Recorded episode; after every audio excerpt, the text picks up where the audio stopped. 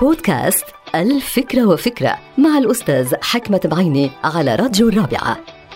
فكرة اليوم لها علاقة بالذكاء العاطفي. كلنا بنعرف أنه الذكاء العاطفي هو قدرة الإنسان على إدارة مشاعره وعواطفه تجاه نفسه وتجاه الآخرين. ولكن هذا الذكاء العاطفي عند بعض الأشخاص ينقسم إلى قسمين. ذكاء عاطفي خاص وذاتي أي أنه صاحب الذكاء فقط يعمل على إدارة شؤونه وعواطفه ومشاعره. دون الأخذ بعين الاعتبار مشاعر الآخرين وهذا ما يطلق عليه أحيانا الذكاء العاطفي الأناني. وهناك أشخاص عندهم ذكاء عاطفي تجاه نفسهم وتجاه الآخرين بهمهم كتير أنه يتعاطفوا مع الآخرين يتفهموا الآخرين وأيضا يساعدون على إدارة مشاعرهم وعواطفهم. هذا الذكاء العاطفي اللي بنسميه الكريم. هناك فرق بين الذكاء العاطفي الأناني والذكاء العاطفي الكريم. انتهت الفكرة. هذه الحلقة مقتبسة من كتاب الفكرة وفكرة.